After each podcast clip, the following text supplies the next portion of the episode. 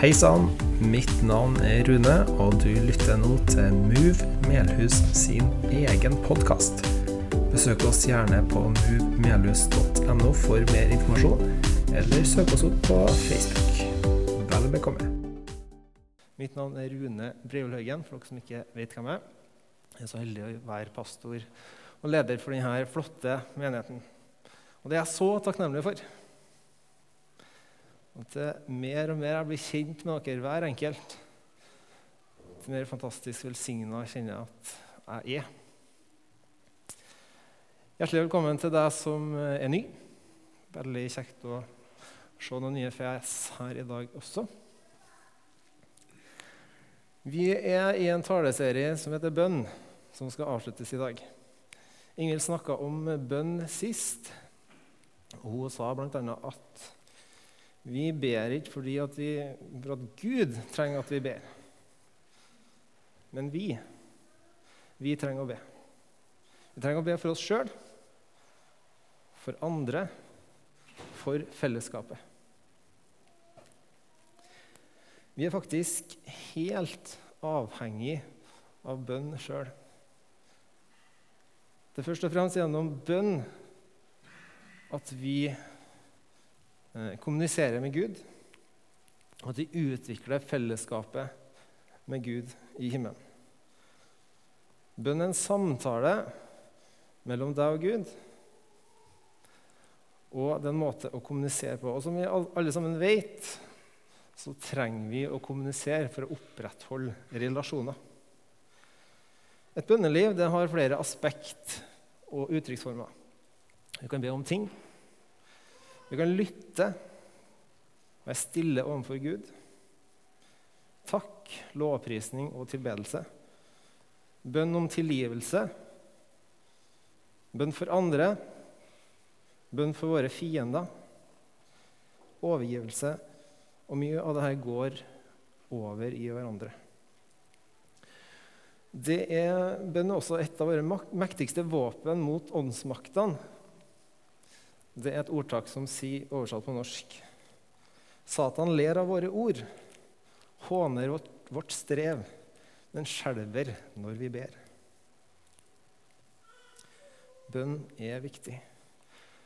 Og Siden vi tenker å være et eh, ja, tenker å være. Siden vi er og strever for å være et åpent og ærlig fellesskap, så tenkte jeg å stille dere noen spørsmål. Helt ufarlige spørsmål. Du rekker opp hånda hvis du er enig, eller hvis det treffer deg.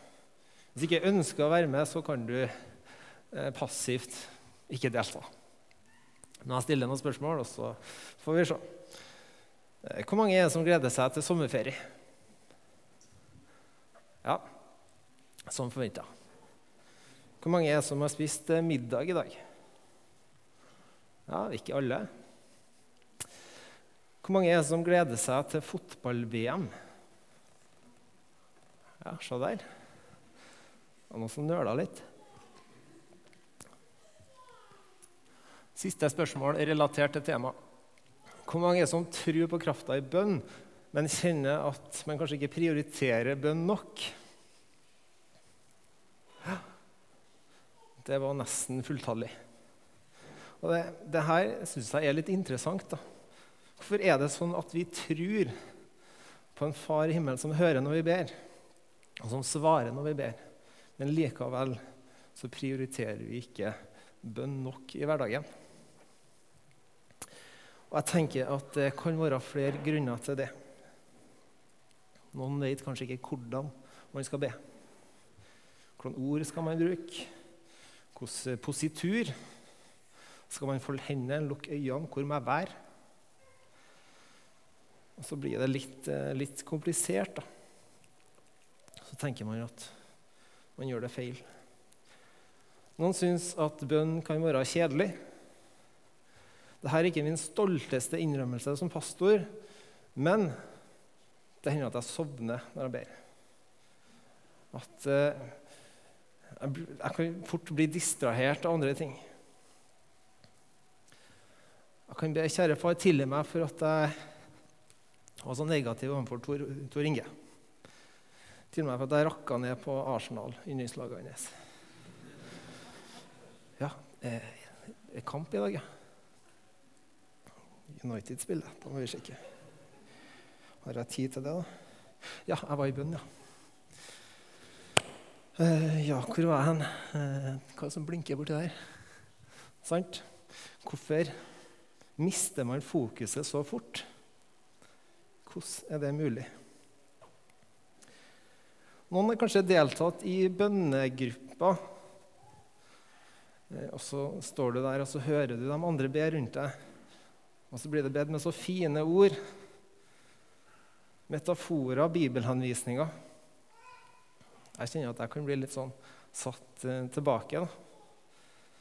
Så blir volumet høyere og høyere. sånn det her, Der er ikke helt av. Altså. Jeg tror nok intensjonen er god. Men hvis man føler at man er i en sånn konkurranse, så blir det litt feil. Travel hverdag kan også være en faktor. Det å finne rommene til bønn i hverdagen. Og det her tror jeg, tror jeg at kan være noen faktorer til at bønn ikke blir prioritert. Det er sikkert flere òg. Så hva er bønn? For noen så er det kanskje en trylleformel. Vi ber til Gud om hva eh, Om det vi ønsker oss, eller det og det har jeg behov for. Jeg tror at Gud engasjerer seg i stort og smått jeg tror han engasjerer seg i livet vårt, og det vi engasjerer oss for. Når jeg blir nervøs, så ber jeg. Det er en naturlig respons for meg. Når jeg ser Manchester United spille, så ber jeg. Men jeg tror ikke at Gud lar Manchester vinne i favør meg. Det tror jeg han ikke gjør. Igjen handler det om fokus eksisterer Gud for å tilfredsstille mine og dine behov. I Jakobs brev, kapittel 4, skriver Jakob.: Dere har ikke fordi dere ikke ber. Dere ber, men får ikke. Fordi dere ber gæli. Dere vil sløse det bort i nytelser. Og Her peker Jakob akkurat på det. At det å be for egen nytelse Egen nytelse og egoisme, det er faktisk å be galt. Bønn er så mye mer. Og Det er et mysterium som jeg tror åpenbares jo mer og mer tid vi bruker sammen med Gud. I løpet av denne talen her skal jeg si litt mer om hva Bibelen sier om bønn. Vi skal se litt på eksempler på andres bønneliv. Og så håper jeg at det kan engasjere til bønn. Nettopp fordi bønn er viktig. Det er viktig for meg, deg, oss, fellesskapet. Hva kan vi be om? Jo, vi kan be om stort og smått. Og vi skal takke for stort og smått. Ingenting er for lite, ingenting er for stort for Gud. Men jeg tror at en av fallgruvene våre er at vi gjør Gud liten at vi ofte bare ber om de små eller generelle tingene. Kjære Gud, la meg få komme trygt hjem fra den bilturen her.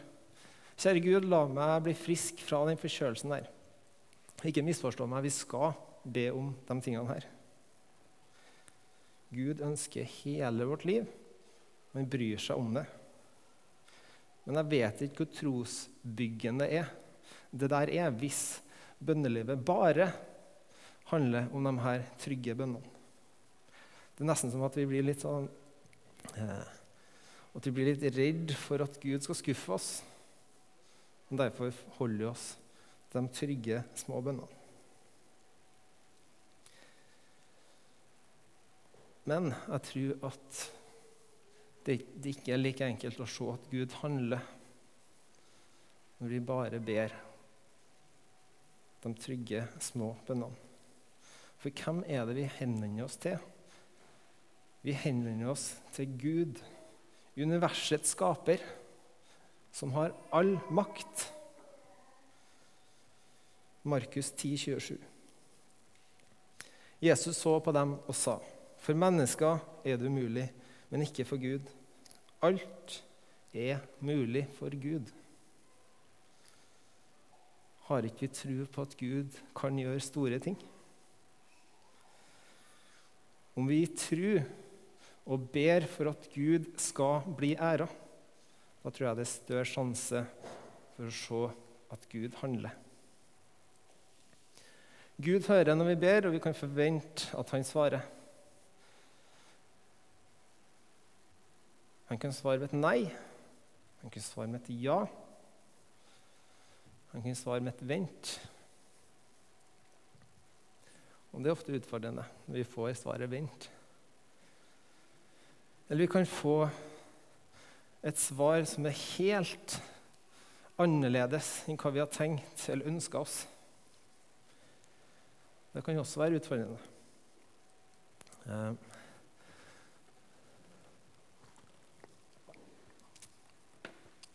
For noen år siden så jobba jeg som selger på Ops Elektro på Syd og Syd. Midt i butikken så var det ei, øy, salgsdisk, der vi kollegaene ofte holdt sammen. Eh, og så var det en dag at det var en kollega av meg som klaga over at han hadde så vondt i øret. At han hadde lyst til å gå hjem. Det var tydeligvis, eh, det var tydeligvis veldig vondt, det her. Eh, terskelen egentlig, var egentlig ganske høy i det miljøet der for å gå hjem. Så jeg skjønte at han hadde det ganske vondt. Og så fikk det, og så slo det en tanke i meg at jeg skulle be for han. Jeg skulle ikke bare be for han, men jeg skulle si det til han. Høyt. Så tenkte jeg aldri i livet, Gud. Det gjør ikke jeg. Men så kom denne tanken igjen. Tilbake og tilbake. Så husker jeg at jeg hadde en sånn samtale med Gud. at ok, hvis, hvis du legger til rette for det, så skal jeg be for den. Her er det masse flere andre kollegaer. Det, det, det er jo egentlig ikke lov til å forkynne sånn helt uten videre på en sånn arbeidsplass. Eh, og det hadde jeg respekt for, men eh, deler liv med hverandre, og hvis det, noen ønsker å vite mer, så, så gjør vi det. Men jeg kommer, møter ikke opp på jobb og åpner Bibelen, forkynner til kundene sånn helt uten videre. Men jeg ba til Gud om at han måtte legge til rette for det. Så så jeg han sto og scrolla på PC-en, og så kom Snåsamannen opp, som var et hett tema på den tida. Så tenkte her har vi en inngangsport. Så jeg spurte han ja, helbredelse og sånn, eh, hva, hva, tenker du om det? Ja, ja vet ikke. Hadde egentlig ikke tatt stilling til det. Så tenkte jeg, nei, eh, det var ikke helt inngangsporten. Så gikk jeg og venta, og så nei, begynte å legge det litt fra meg. Eh, men plutselig så alle de andre kollegaene mine de var vekk. Det var bare jeg og han som sto i butikken. Kanskje var han på lager, kanskje et lunsj, jeg vet ikke. Og butikken var tom for kunder. Der sto jeg, bare jeg og han. Hvis ikke Gud la til rette for bønn her, så vet ikke jeg. Så jeg tenkte nei, nå driter jeg i det. Nå kjører jeg på. Eh, så jeg forklarte han at eh, du vet jeg er kristen og alt det der. Jeg tror på at Gud kan helbrede deg. Så jeg spurte om jeg kunne få be for han. Så litt nølende så sa han ja, det kan du. Så forklarte jeg at jeg tror jeg skal legge hånda på øret ditt. Er det greit? Ja, det er greit. Så ba jeg en enkel bønn. Kjære far, bli frisk i Jesu navn. Så spurte jeg han, hvordan føler du deg? Ikke noe forskjell. Da tenkte jeg æsj, vi må vi prøver igjen. Du, jeg, jeg, tror at det, det ikke alltid funker første gangen. Kan jeg prøve igjen? Da, da ga jeg all in, altså. Så jeg fikk gjøre det samme igjen. Ba den samme enkle bønna. Og spurte hvordan føler jeg deg. Er det noe bedre? Nei. Jeg lurer på om jeg gikk hjem rett etterpå. Da følte jeg meg liten. Jeg for hjem og visste at når jeg skulle komme på jobb neste dag, så tenkte jeg at nå kommer alle kollegaene her til å mobbe meg. Det var walk of shame når jeg gikk inn på jobb dagen etter. Men der sto han. Vi kaller han Joakim. Der sto Joakim med det største gliset jeg har sett. Velkommen på jobb, Rune. Så godt å se deg. Jeg vet ikke om han ordla seg akkurat sånn, men er sånn jeg liker å tro at han sa. Han møtte meg med et skikkelig glis, i hvert fall. Det var et eller annet som hadde skjedd. Han hadde blitt litt bedre, han var ikke blitt frisk. Men jeg tror Gud svarte på en helt annen bønn den dagen. Annet enn hva jeg så for meg. Dette var en person som trengte å bli møtt. Vi ble buddies vi, etterpå.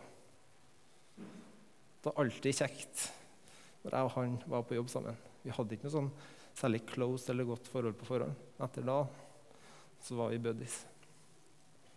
Jeg tror at Gud kan svare annerledes enn hva vi tenker.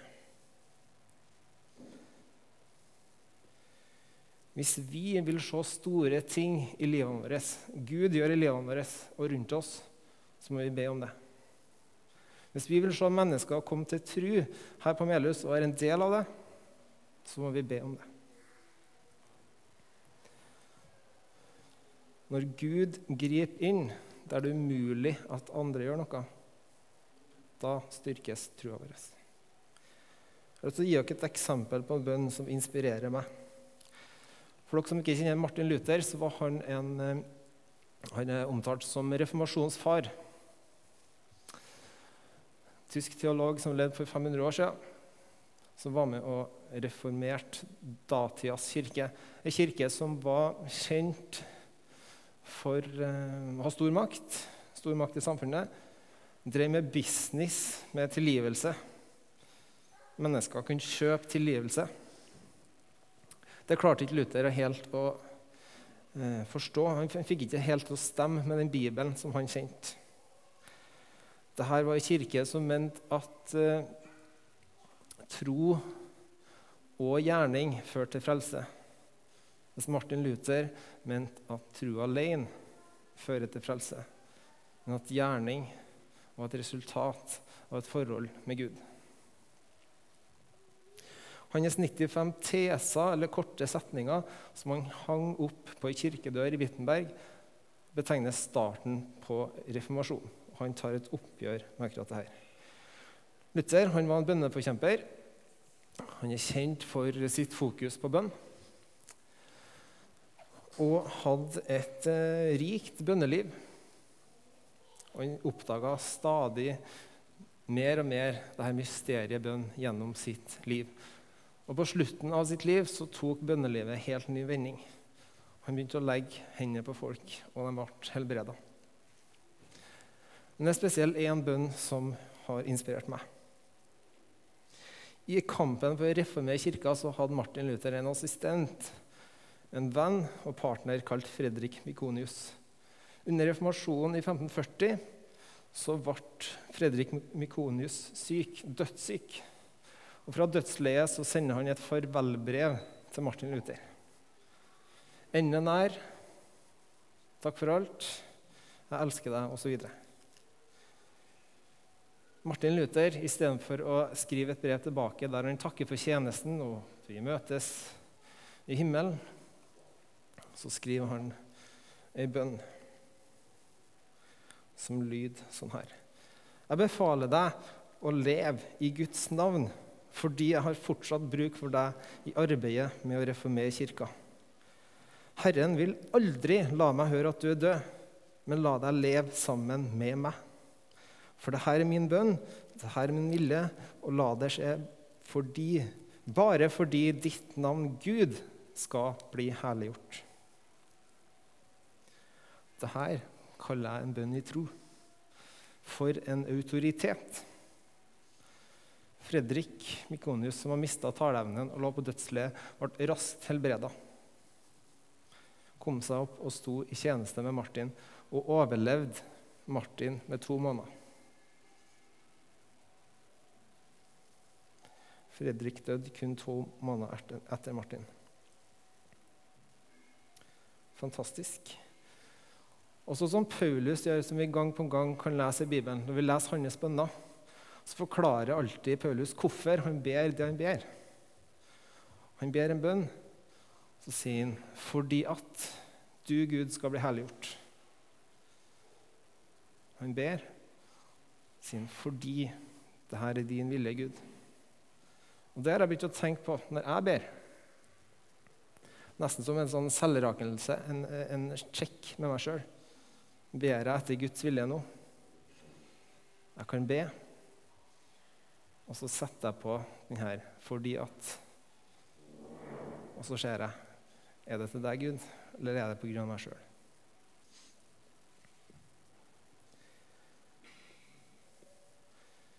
At Gud svarer når vi ber, det kan virke som et absolutt løfte.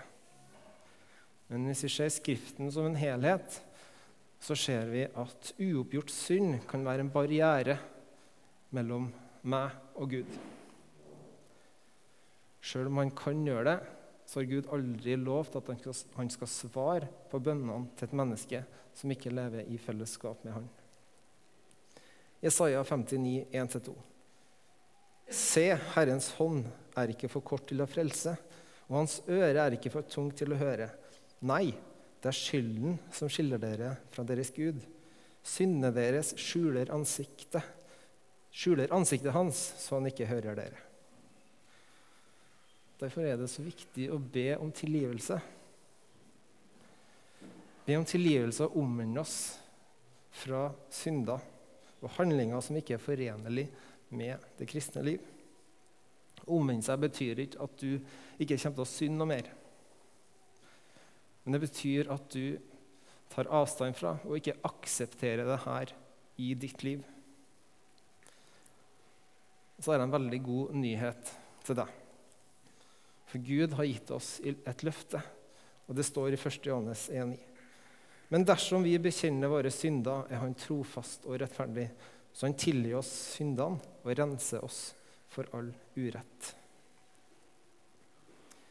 Vi er helt avhengige av Guds nåde. Vi klarer ikke å leve et syndefritt liv. Det er det kun Jesus som har gjort. Det er derfor Jesus ble det perfekte offer for meg og deg. Tok på seg all verdens synd. Det som har vært, er, og det som skulle komme i framtida. Død på korset, sto opp fra de døde tredje dag. Sånn at nå har jeg og du gjennom Jesus tilgang til Gud. Tilgang direkte til Gud. Vi kan henvende oss til Gud, som ønsker å være den perfekte pappa for oss. Etterpå skal du få ta imot eh, nattvær. Da skal du få muligheten til å ta imot Guds nåde og tilgivelse helt konkret. Hvis du har noe i livet som du kjenner at du trenger omvendelse fra, så gjerne bruk tida i bønn før nattverden.